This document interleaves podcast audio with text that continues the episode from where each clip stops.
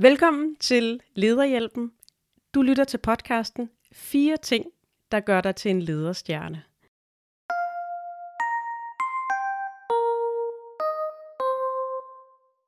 Mit navn er Gita Maja Laguarte, og over for mig, der står Ane Jægersborg. Og øh, vi har i dag skiftet kaffen ud med champagne og joggingbukserne ud med gallertøj. Der er prisuddeling, og øh, der er fire priser i dag, som du kan nominere dig selv til. Hvis du gør de her fire ting, så er du en lederstjerne. Og øh, du skal selvfølgelig huske at fejre dine egne succeser, fejre dig selv som leder, det glemmer vi nogle gange. Og øh, nogle af tingene, de er altså ikke øh, rocket science. Øh, jeg vil væde med, at du gør meget af det, vi taler om i dag. Og øh, derfor så har vi lavet fire priser, som øh, du kan få i løbet af den her podcast, som en ros og en øh, gave til dig som leder for det arbejde, du laver hver dag. Og øh, det er ikke taget helt ud af det blå. Det er faktisk baseret på øh, en undersøgelse blandt 1.500 danskere, som der har tilkendegivet, hvad de værdsætter øh, og hvad de vægter hos deres ledere. Så, øh, så baseret på den her undersøgelse, der har vi valgt de fire vigtigste ting fra medarbejdervinklen, som de værdsætter hos deres ledere. Og øh, det har så resulteret i fire priser, som vi skal kigge på i dag.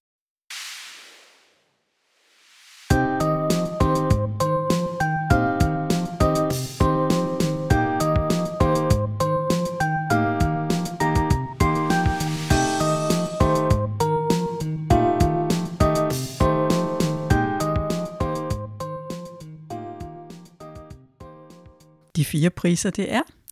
Den første pris, den har vi kaldt humørprisen, fordi det, som undersøgelsen viser, det er, at det, der vægtes allerhøjst og som er allervigtigst, det er, at man har en positiv leder.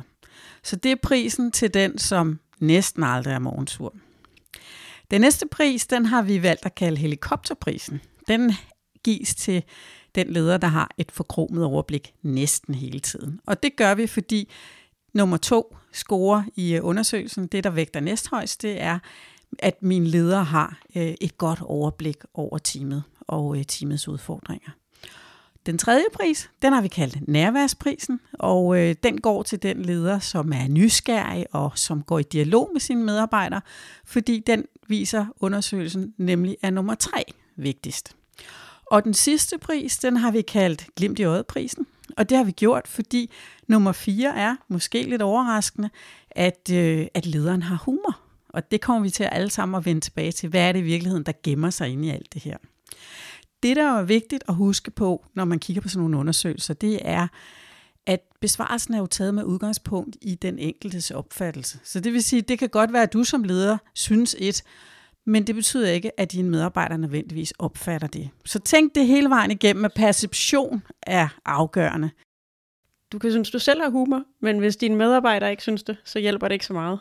Så er det ikke sådan, de opfatter dig. Nej, lige præcis. Og det er jo faktisk nogle skæg nogen, vi har her, dem du nævner, Ane, at, at det er... Øh, nogle af dem overraskede mig lidt, da jeg læste øh, kandidatanalysen her, som kommer fra Ballisager. Øh, fordi det er ikke sådan lige det, jeg tænkte. Nej, hvad for en overraskede dig mest? Ja, det er faktisk topscoren. Ikke? Altså den ultimative topscore er det at have et positivt væsen. Jeg tror, det er ja. 47 procent, der ja. svarer, at ja. det er noget af det, de vægter højst ja. hos deres leder. Ja. Det er øh, næsten halvdelen, som siger, at det er det vigtigste. Ja. Og, og det er sådan, altså det, selvfølgelig det første, jeg gør, det er, at jeg sådan sidder og tænker, ups, altså, hvor glad eller sur er jeg lige, når jeg går mm-hmm. på arbejde. Mm. mm. øh, men også, at det er det, der er afgørende. Altså, jeg troede, at det var sådan noget med, om jeg var klog, eller intelligent, eller så var, godt ud. så godt ud. Ej, måske ikke lige det, men god til toeren kan jeg bedre forholde mig til. Ja. Det her med at bevare ja. overblikket ja. og lede og fordele arbejdet. Ikke? Men positiv væsen, det er den, der vinder.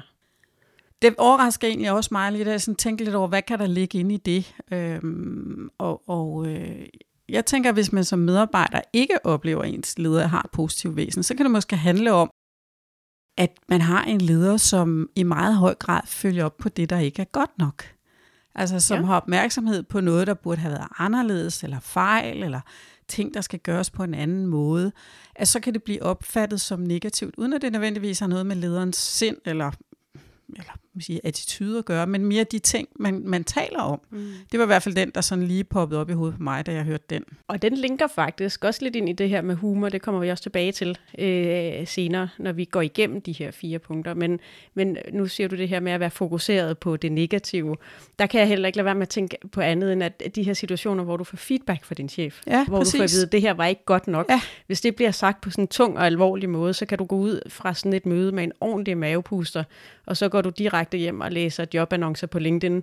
Mens uh, hvis du har en chef, der på en eller anden måde kan, kan sige det lidt med glimt i øjet, eller lave, altså ligesom, det bliver ikke så tungt at måske bruge, bruge humoren på sådan en lidt fin måde i forhold til, at øh, også at vise, at man samtidig værdsætter medarbejderne, og man griner lidt af sig selv og lidt af hinanden, så bliver det hele lidt mere let. Ja, det er den ene del af det, men jeg synes måske også den her med at have et fokus, der retter fremad. Altså jeg arbejdede for år tilbage øh, med noget lederudvikling, hvor vi arbejdede meget med det her med at at øh, forholde os til fremtiden i højere grad end at forholde os til fortiden. Og bruge det, der var godt som afsæt for, hvordan vi skulle gøre tingene i fremtiden. Og det betyder jo ikke, at hvis der var noget, der ikke var i orden, så skulle vi bare negligere det, fordi det duer ikke. Så lykkes man ikke som leder.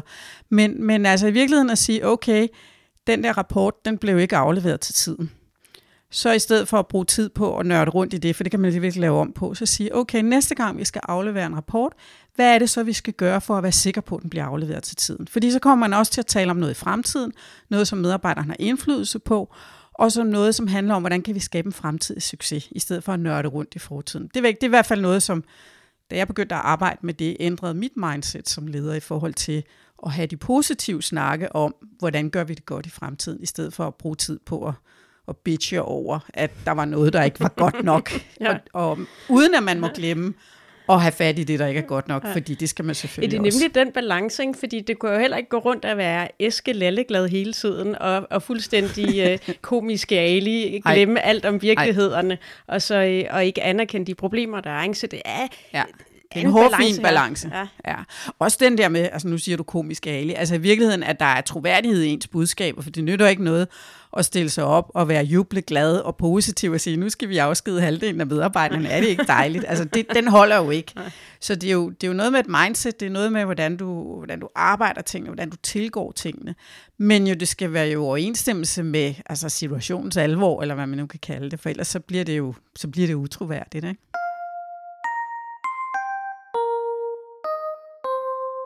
Hvis vi dykker ned i den her, mm-hmm. den første pris, ja. du kan vinde, øh, humørprisen, som, ja. jo, som jo er bygget på, at det første og største punkt i, øh, i den analyse, vi har her, det siger simpelthen, det er, at du har et positivt væsen mm. som chef. Det er noget af det, der betyder rigtig meget for, om medarbejderne trives. Øh, så er det jo noget med façon, altså noget med, ja. altså ikke, ikke om man ignorerer problemer eller ikke taler om problemer, det skal man stadig gøre, men måden man gør det på, som du mm, siger, mm. man kunne for eksempel kigge ud i fremtiden, øh, og, øh, eller man kan sige ting med et smil på læben, eller man kan skabe en stemning af, at, øh, at, at vi ikke er på konkursretning, øh, øh, retning, eller at vi ikke er på vej ud i et skibsbrud her. Tingene, de skal nok gå ja. øh, og vi kan løse det, og vi tror på, at vi kan løse det.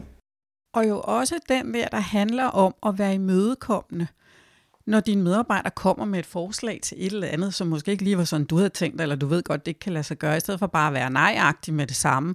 I virkeligheden lige lytte ind bag, for der kunne faktisk ligge noget guld gemt. Det tror jeg også kan betyde noget af, eller betyde noget for, hvordan du bliver opfattet som leder, at, at du er imødekommende, og du lytter. Den hænger også lidt sammen med, med den tredje pris, som vi kommer tilbage til. Ja, det gør Men, den, som jo handler om, om at være nysgerrig også. Præcis, ikke? Så, og dialog. Ja. Ikke? En ting, som jeg også tænkte over, da jeg så den her, det var stress. Ja. Altså vi taler rigtig meget om stress, øh, og vi taler om det sådan meget generelt, men jeg synes, at der er en særlig variant af stress, som måske ikke får tilstrækkelig opmærksomhed, og det er lederens stress. Ja. Fordi lederens stress har faktisk endnu mere vidtgående konsekvenser, end når det er den enkelte medarbejder, der har stress. Fordi hvis du har en leder, der er stresset, så kommer det til at smitte af på hele afdelingen, og hele afdelingens måde at fungere på, og øh, miljø, altså, ja, humøret i afdelingen, hvis man kan sige det sådan. Og hvis man er stresset, det tror jeg, vi ved alle sammen, at så er det lidt svært at være positiv, ja. altså, fordi man er lidt presset. Så jeg tænker, der kan ligge et element i det også. Ikke? Følelse smitter, ikke? Stress smitter, ja. angst smitter, ja. negativitet smitter, og, og, og, og du kan sikkert husk det, hvis du tænker tilbage på nogle mennesker, du har haft i dit liv, som der var ekstrem, hvad skal man sige, du har nogen, der, der er simpelthen excellerer i at tale om problemer. Ja, ja, ja men præcis. og så begynder man også selv at fokusere yes. på problemer. Så ja. det smitter de her ting. Ja. Men på samme måde, så smitter den positive ånd jo også. Nemlig. Og det er måske netop derfor, at det, at det faktisk er så vigtigt at have en chef, der har et optimistisk væsen, fordi det gør så, når vi selv sidder med nogle problemer, eller vi selv som medarbejdere har nogle ting, der er lidt svært, og har en snak med vores chef, så bliver vi løftet en lille smule. Ja. Nu siger du et positivt væsen. Det synes jeg er et stort krav at stille, fordi vi er jo det menneske, vi er. Så, så det handler, synes jeg, i første omgang at være bevidst om sin adfærd. Det kan godt være, at man indeni ikke føler sig særlig positiv, men den adfærd, man udviser i forhold til sine medarbejdere, den er super vigtig. Og for eksempel den der øh, med, sig godmorgen, når du kommer. Altså, gå igennem din afdeling lige at sige hej og godmorgen, i stedet for bare at gå direkte ind på dit kontor det vil gøre, at du bliver opfattet som mere positivt. Øh, eller gå, gå lige forbi og sige god weekend om fredagen, eller hvad det nu er. Små bitte ting, som du i virkeligheden kan gøre, uden at du behøver at, at, at sige, ændre på dig selv, men, men små, små twist i din adfærd, som faktisk gør, at du kommer til at blive oplevet mere positiv og mere imødekommende. Det er, jo, det er jo en af grundene til, at jeg i hvert fald var overrasket over, at den kommer ind på den første plads, den her. Fordi det er jo noget, hvor man tænker, det er ret nemt at gøre noget ved. Og så alligevel ikke, fordi der er jo en grund til, at det måske faktisk ikke er så nemt alligevel. Og det er jo, at hverdagen rammer. Altså det er, når vi står og snakker her, så er det nemt nok at stå og ja, sige, ja. gå lige rundt på kontoret og sige godmorgen til alle sammen. Ikke? Yes. Men når du kommer halsende fem minutter øh, i ni, og dit møde starter klokken ni, og du har skulle aflevere et, to eller tre børn på vej til arbejde, øh, og du har 10 e-mails, som du ikke ved, hvad handler om, fordi du ikke har nået at læse dem, og de er tikket ind, siden du lukkede computeren i går. Altså så den her, den her stress, der kommer, ja. og, og møder, og det pres, der mange gange er på lederen, ja. gør jo, at det nogle gange bare er ufattelig svært at være et positivt væsen, selvom man måske egentlig gerne ville. Ja. Øh, jeg, jeg, jeg kan heller ikke lade være med at tænke på, på, på det her med at skulle være forældre. Nu er jeg jo småbørnsforældre og har tre dejlige drenge derhjemme, og øh, jeg har da også en idé om, at jeg skal være en glad mor. Og den idé, den kommer godt nok på prøve i hverdagen. Mm. Altså, fordi det er nemt nok at sige, at jeg skal være en glad og overskudsagtig mor, og man skal ikke råbe af sine børn eller sige sure ting. Og så rammer hverdagen bare, altså, og så sker tingene ikke, som man vil have det. Og øh, børnene er måske glade, eller, eller tingene går ikke rigtigt, som man vil, eller man er selv syg, og man er træt, og så kommer den her knap så positiv side ud af en, hvor man bare bliver lidt af et monster nogle gange. Det er jo super vigtigt, det du siger, fordi man kan jo ikke diskutere med virkeligheden. Og, og det fører mig faktisk til sådan en vigtig generel pointe i forhold til de her fire priser også. Det er, der er jo ingen, der er perfekte. Og der er ikke nogen, der er et score top hele tiden på alle parametre 365 dage om året. Det handler jo i virkeligheden om at have en bevidsthed omkring det og finde frem til, hvor er det, jeg kan gøre noget lidt anderledes end det, jeg gør i dag, så jeg kan skrue op for de rigtige ting. Men man kan jo ikke være perfekt, og hvis man stræber efter det, så er det, man ender over i den der kategori, der hedder meget stressede ledere. Ikke? Øhm, og så, så lykkes man jo ikke med noget. Så lad være i virkeligheden at være for ambitiøs, men bare tænk over, hvor kan du skrue lidt op for, for positivisme. Hvad er det for nogle små ting, ja. du kan få ind i din hverdag, som faktisk kan gøre en forskel for dine medarbejdere, øh, som måske også gør dig mere synlig som chef, eller som der gør, at du spreder nogle gode, positive vibrationer på arbejdspladsen. Og det fører mig faktisk til et lille gruk, øh, et af Piet Heins gruk, som, øh, som vi faldt over her for nylig. Øh, han har nemlig gruk, hvor der, siger, der, der hedder, husk at smile, før du sover, så går dagens surhed over.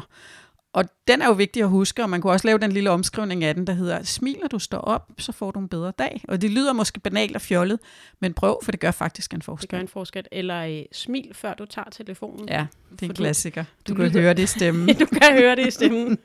og øh, øh, jeg arbejdede engang med en, som der simpelthen lød, som hovedet var ved at poppe af, hver gang han tog telefonen. Altså fuldstændig aggressiv. Mm. Hallo! Mm. Og når jeg så sagde, det er Gita, så ændrede han sig fuldstændig. Ja. Og så var han glad. Ja, altså, ja det kan være det, fordi det er dig.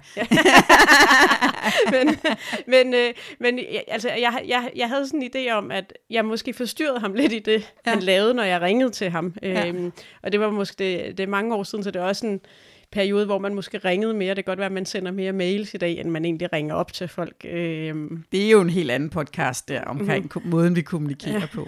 Jeg tænker, hvis vi skulle runde af omkring humørprisen, og skulle måske bare sige én ting, som du kan begynde at gøre med det samme der. Smil lidt mere, og du vil opleve, at det kommer til at gøre en forskel. Det er banalt, enkelt, men det virker.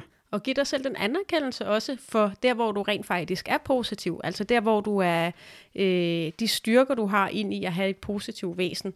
Fordi har du nogle af de her ting, er du typen, som der er smiler til folk og er glad, så er det faktisk noget, som øh, du kan være ret sikker på, at det værdsætter dine medarbejdere.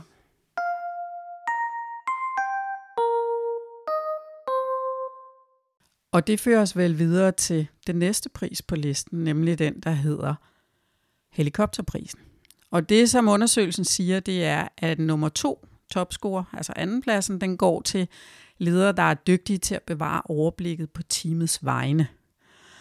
Og der synes jeg lige, det er værd at dvæle ved perceptionen igen. Fordi det kan godt være, at du i virkeligheden ikke har overblikket. Men det er rigtig vigtigt, at dine medarbejdere har en følelse af, at du har overblikket, og du har styr på tingene, og du har tingene under kontrol. Det kan godt være, at de måske ved rationelt, at det kan du ikke have, men de skal have den følelse, fordi det giver dem tryghed og ro i forhold til at kunne udføre deres arbejde og kunne fungere godt. Og jeg kommer sådan til at tænke på, i, øh, i de allerførste dage, eller faktisk den første tid, af, øh, hvor Ukraine blev invaderet af russerne, øh, der så vi jo øh, Zelensky, præsidenten, optræde på Twitter nærmest døgnet rundt, øh, meget bevidst i sin kommunikation, øh, klar og tydelig, og, og på en måde, som gjorde, at han helt sikkert har indgydt tillid og ro til borgerne i Ukraine i så stort et omfang, som man nu kan, når man er i krig.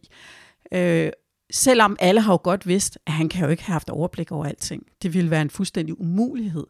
Men måden, han håndterede det ledelsesmæssigt på, har været med til at give en følelse hos borgerne i Ukraine af, at vi har en leder, som har styr på tingene. Og, og det tænker jeg, nu er det et helt ekstremt eksempel, men, men, øh, men der er nogle pointer i det der med at kunne agere og kommunikere på en måde, som signalerer, øh, jeg har styr på tingene. Og den tror jeg er rigtig vigtig, også selvom man ikke nødvendigvis har det. Så, så man kan måske sige, at der er to ting i det. Ikke? Der, er, der er vel et element af, at det er meget godt at have nogenlunde styr på tingene. Selvfølgelig. Selvfølgelig. Man skal jo have styr på noget i hvert fald, ikke? og så er der et andet element, som der også handler om, at man skal også give udtryk for, at man har styr på tingene. Og der er vi faktisk lidt tilbage til det her med, at ting smitter, ikke? og det vil sige, hvis du mangler overblik og ikke har ro i maven som leder, så smitter det på medarbejderne. Ja. Så det her med medarbejderne, dine medarbejdere kan koncentrere sig om deres ansvarsområde, deres opgave, og så have, de har tillid til dig, til at du styrer skuden det rigtige sted hen. Du er kaptajn på skibet og har det fornødne ja. overblik. Og så godt være, at man ikke altid har overblik helt ud i alle det har man ikke. territoriet. Det har man ikke, nej. og det får man nok aldrig. Nej. Men det er i hvert fald vigtigt at have den her ro, fordi den ro og det overblik, som du signalerer, det ja. smitter rigtig meget, og det gør, at dine medarbejdere tør koncentrere sig om deres del af, af opgaverne. Meget enig, øh, men jeg synes også, der er den pointe i det, der handler om, at det er vigtigt ikke at forfalde til, at sige, at man har styr på alting, når man ikke har det. Altså, at det er også legitimt, når du er leder, at sige, det ved jeg ikke. Øh, eller øh, det finder vi ud af. Altså, så du ikke bliver sådan et eller andet orakel, som har svar på alting, og, og sådan et supermenneske, fordi det er jo ikke troværdigt i længden. Det er jo helt misforstået. Det er jo virkelig vigtigt, det der med også at vide, hvad du ikke ved, og, og, og også turde sige, det, det ved jeg sgu ikke, men det finder vi ud af. Altså sådan mm. lidt den der, Pippi-tilgang til det. Det har jeg ikke prøvet før, så det kan jeg nok godt finde ud af. Mm. Altså, den, den er rigtig god at have med også, ikke? Jo, men jeg, jeg synes, det er en vigtig pointe her, også fordi, at, at øh, på rigtig mange øh, arbejdspladser, i hvert fald i Danmark og hvor vi er, der er, der er folk specialiseret, og man har tit sine egne nicheområder, hvor at man øh, hvor medarbejderne ligesom har deres domæne og specialistområde. Og der er det enormt vigtigt også som leder at forstå, at du mange gange faktisk ved mindre end dine medarbejdere. Og der handler det om at kunne lede og fordele og bevare overblikket på trods af det. Men der findes vel også en række sådan ting, man kan gøre som leder for at bevare overblikket. Det er vel noget med det, som man kan kalde at have foranhold. Altså at du i virkeligheden tænker lidt langt ud. Øh, du kan operere med nogle årsjul. Du har sådan forberedt det, du kan forberede, fordi det giver dig også noget luft og overskud til faktisk at have det her overblik. Og det gør også, at du meget troværdigt i forhold til dine medarbejdere kan kommunikere på, jamen nu skal I høre, at vi gør sådan, vi har de her planer. Så alt det der uforudsete, det du ikke ved, det der ikke kan kontrolleres, som dukker op, det er der ligesom luft og plads til. Fordi du har langtidsplanlagt, så bliver det ikke brændslukning hele tiden. Det medvirker også til oplevelsen af overblik øh, hos medarbejderne. Absolut, og helikopterprisen, den går jo til dig, der formår både at bevare overblikket og strukturen og have følingen med det og involvere dine medarbejdere i forhold til at være en del af den struktur og det overblik, du har. Og det vil sige, der er både det her med at organisere og strukturere, men der er også en rigtig vigtig kommunikationsdel i det.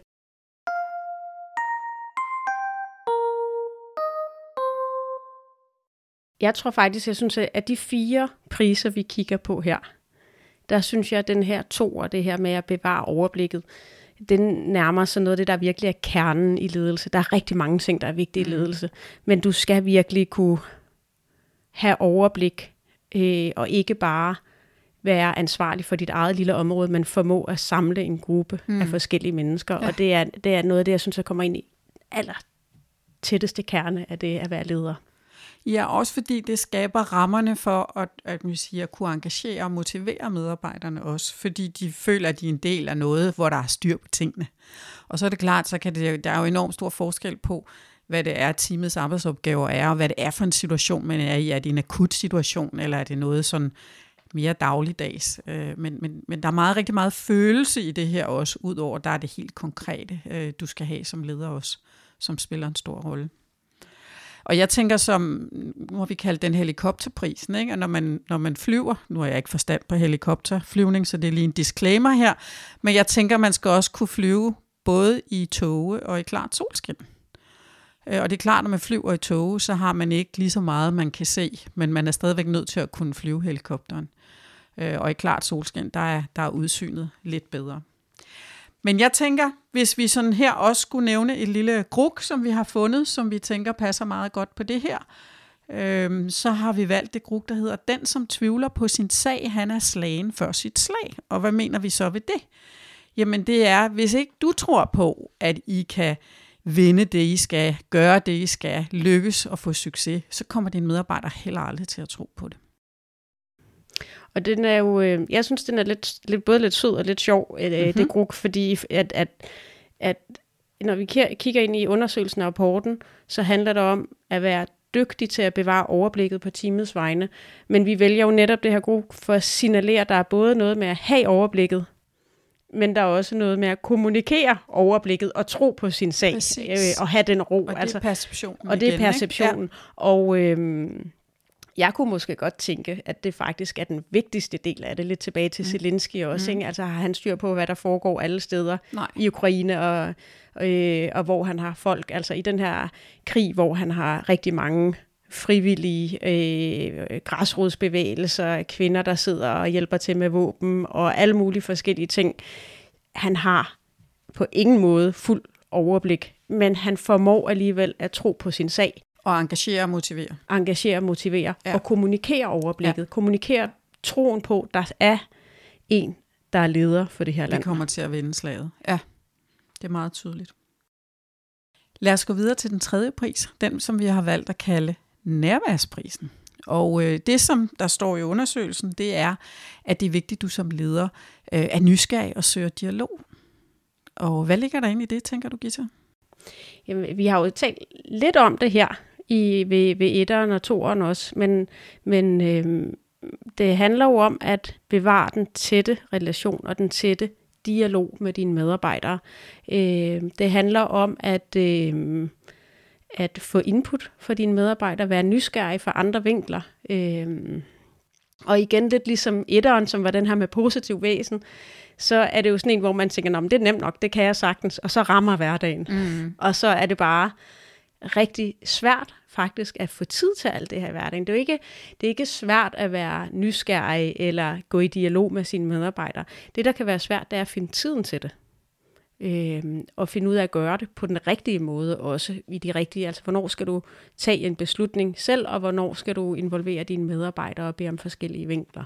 Øhm, at, ting. Ja, altså, den har jeg lidt, lidt måske en lidt anderledes vinkel på, øh, som kunne være, at det handler om også at tro på, at det ikke er dig, der har svaret på alting, når du er leder. Altså, at der kunne sidde nogen med andre løsninger, idéer og tanker, øh, så du ikke i farten bare træffer de beslutninger, du gør. Det skal du selvfølgelig kunne gøre som leder, men, men, men øh, at du skal ikke være for eneråd, eller egenråd hedder det vist, ikke? Egenråd.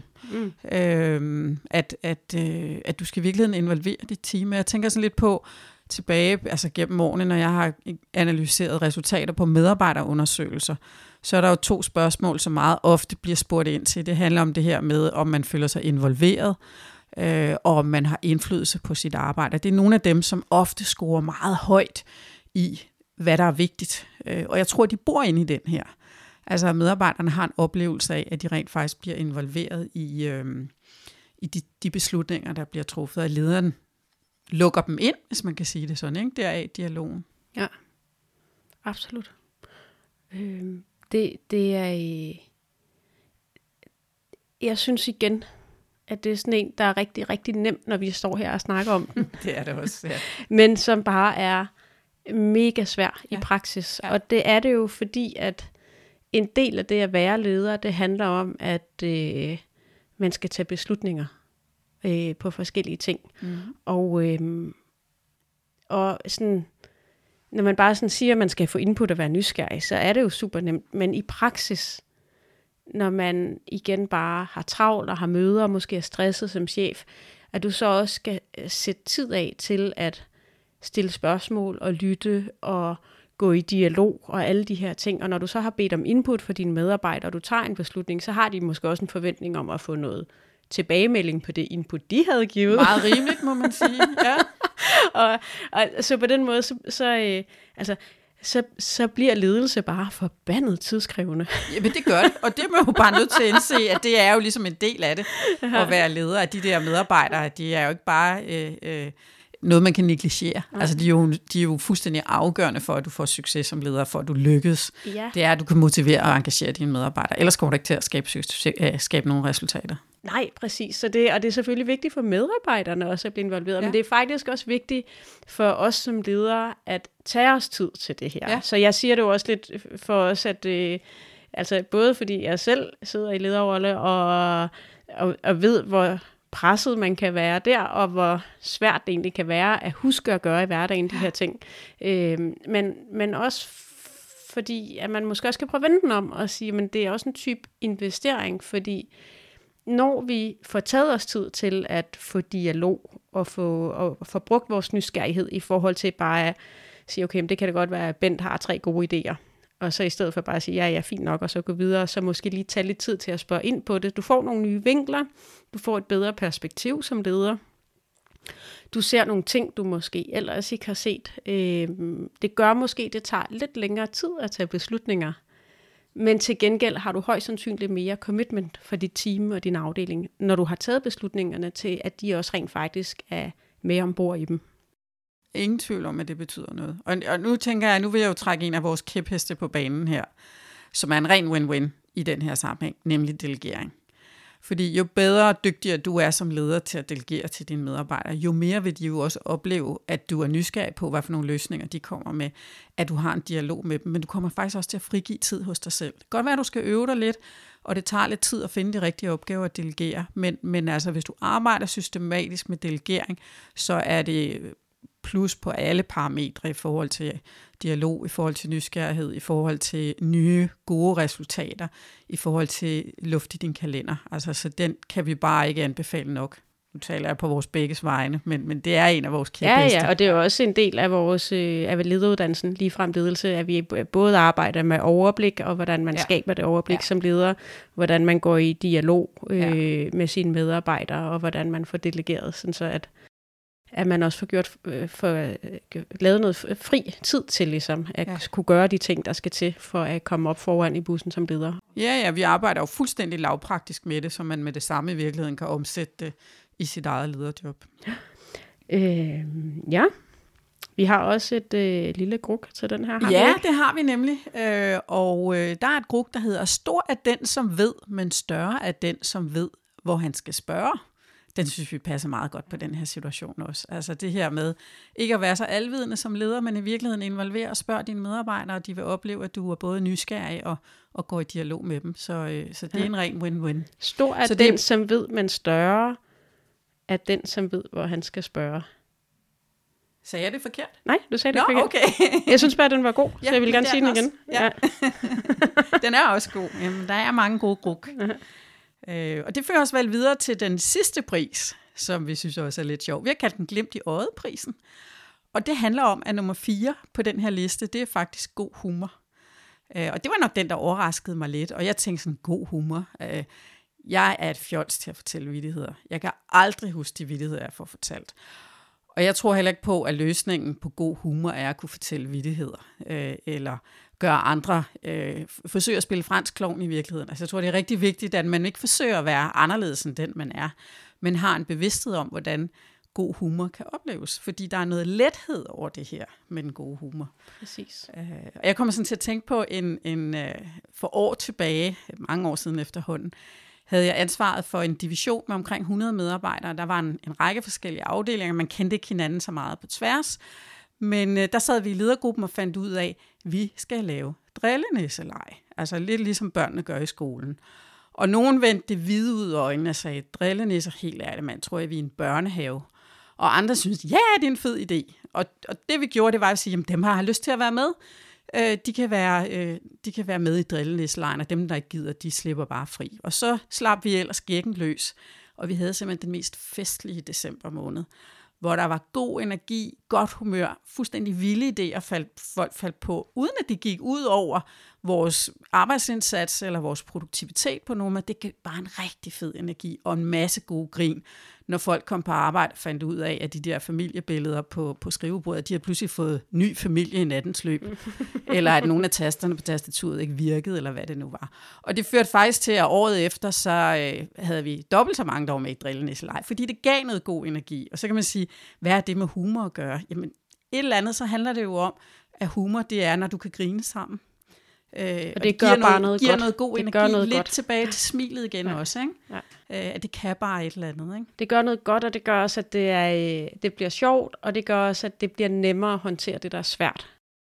Ja, i høj grad. Og det, øh, jeg har altid haft sådan en, øh, når det blev rigtig svært og rigtig toft, og vi stod i en vanskelig situation, så har jeg sådan sagt, det er bare noget, vi leger alt sammen. Meget få er blevet provokeret af det, og det typisk været dem, der ikke kendte mig godt, fordi de troede helt forkert, at det var, fordi jeg ikke tog tingene alvorligt. Men det var i virkeligheden, når det var allermest alvorligt, jeg brugte det her. Og det var for at skabe noget lethed.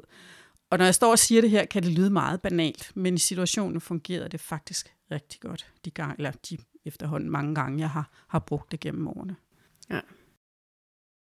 Og det er jo det her med humor, altså det, det er jo, jeg synes, jeg synes for det første, det vigtige er jo at sige, det er en undersøgelse, der er 1.500 danskere mellem 18 og 65, der er blevet spurgt, og af dem, der har en, øh, Cirka en tredjedel, en tredjedel ikke? har svaret, at humor er vigtig ja. hos deres chef. Det er et rigt, en tredjedel, det er mange, der ja, siger det. det, er det. Og, øh, og undersøgelsen har fungeret på den måde, der har været 10 udsagn, og man kunne vælge tre. Humor var en af dem, mm. og der er den så blevet valgt af en tredjedel ja. af dem, der har deltaget.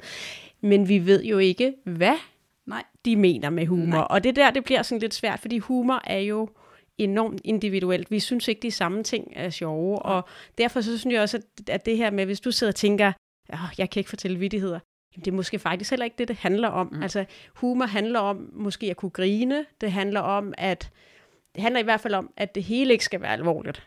Der skal være plads til nogle lidt andre ting også. Og så tror jeg også, det handler om selvironi. Altså, at det, man som leder ikke tager sig selv alvorligt.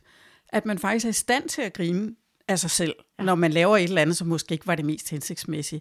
Og at man ikke, ikke bliver sådan alvorlig og stiv i det, fordi så tror jeg netop, at det kan opleves af medarbejderne som mangel på humor. Så evnen til at kunne grine af sig selv, når man laver et eller andet åndssvagt, og det gør man jo fra tid til anden, ikke? så egentlig joke lidt med det, grin lidt af dig selv, fordi det vil virke forløsende. Det er da enormt og, og, og bygge der bro. ikke skal mere til at blive en god leder.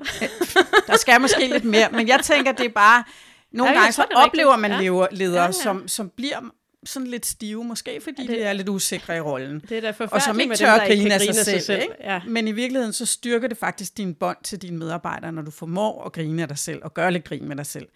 Du må bare aldrig forfalde til at gøre grin med dine medarbejdere. Nej, altså, præcis. Det er meget, eller meget på dine bedre medarbejderes at, at starte med selvironien og Det må lave... du aldrig gøre som leder, men du må gøre rigtig meget grin med dig selv. Det virker bare på den gode måde. Det er i hvert fald min erfaring, og også det, jeg har set rundt omkring.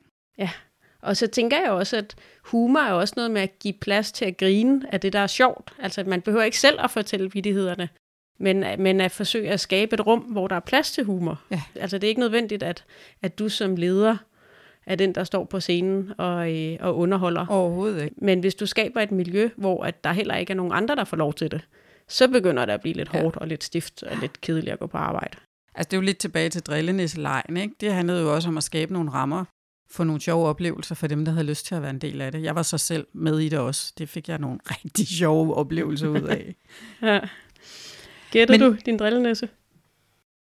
Det tror jeg faktisk ikke, jeg gjorde. Nu har jeg kørt vi det i flere år. Øhm, og det var jo rigtig sjovt til sidst der, når man så mødtes med lidt jule eller lidt gløk og æbleskiver og sådan noget, og så skulle gætte, hvem der var drillenæsser. Der var virkelig nogen, wow, var det dig, der var min drillenæsse. det havde jo den fordel også, at medarbejderne lærte hinanden at kende på tværs af afdelingerne. Ja. Ja. Så det skabte en, en helhedsfølelse i divisionen, som, som øh, ja, var helt unik, og som faktisk medarbejderne refererede til selv også. Men det var vel vores glemt i øjet prisen, og den har selvfølgelig også et gruk, der hører til. Den, der kun tager sjov for sjov og alvor kun alvorligt, han har faktisk fattet begge dele lige dårligt.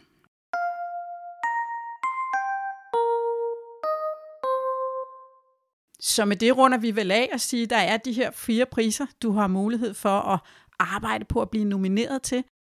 Den første pris, det var humørprisen. Så havde vi, Helikopterprisen, og vi havde nærværprisen, som handlede om dialog og nysgerrighed. og så til sidst humor, eller glimt i øjet prisen, som vi har kaldt den. Så tænk lidt over, hvor ligger du på skalaen her i forhold til at blive nomineret i de her fire discipliner. Husk nu, det er ikke øh, morgen, middag og aften 365 dage om året, men små skridt gør en stor forskel. Ja, og husk at rose dig selv, eller i hvert fald være stolt og fejre dine egne succeser, fordi der er der helt sikkert rigtig meget af det her, som du kan sætte kryds ved, Ja. øh, og som du, er, øh, som du gør hver dag, og som du bare skal huske på, at det er faktisk noget af det, du måske ikke lige tænker over at gøre en forskel for dine medarbejdere. Og at det er afgørende for, at du kan engagere og motivere og både tiltrække og fastholde de rigtige medarbejdere.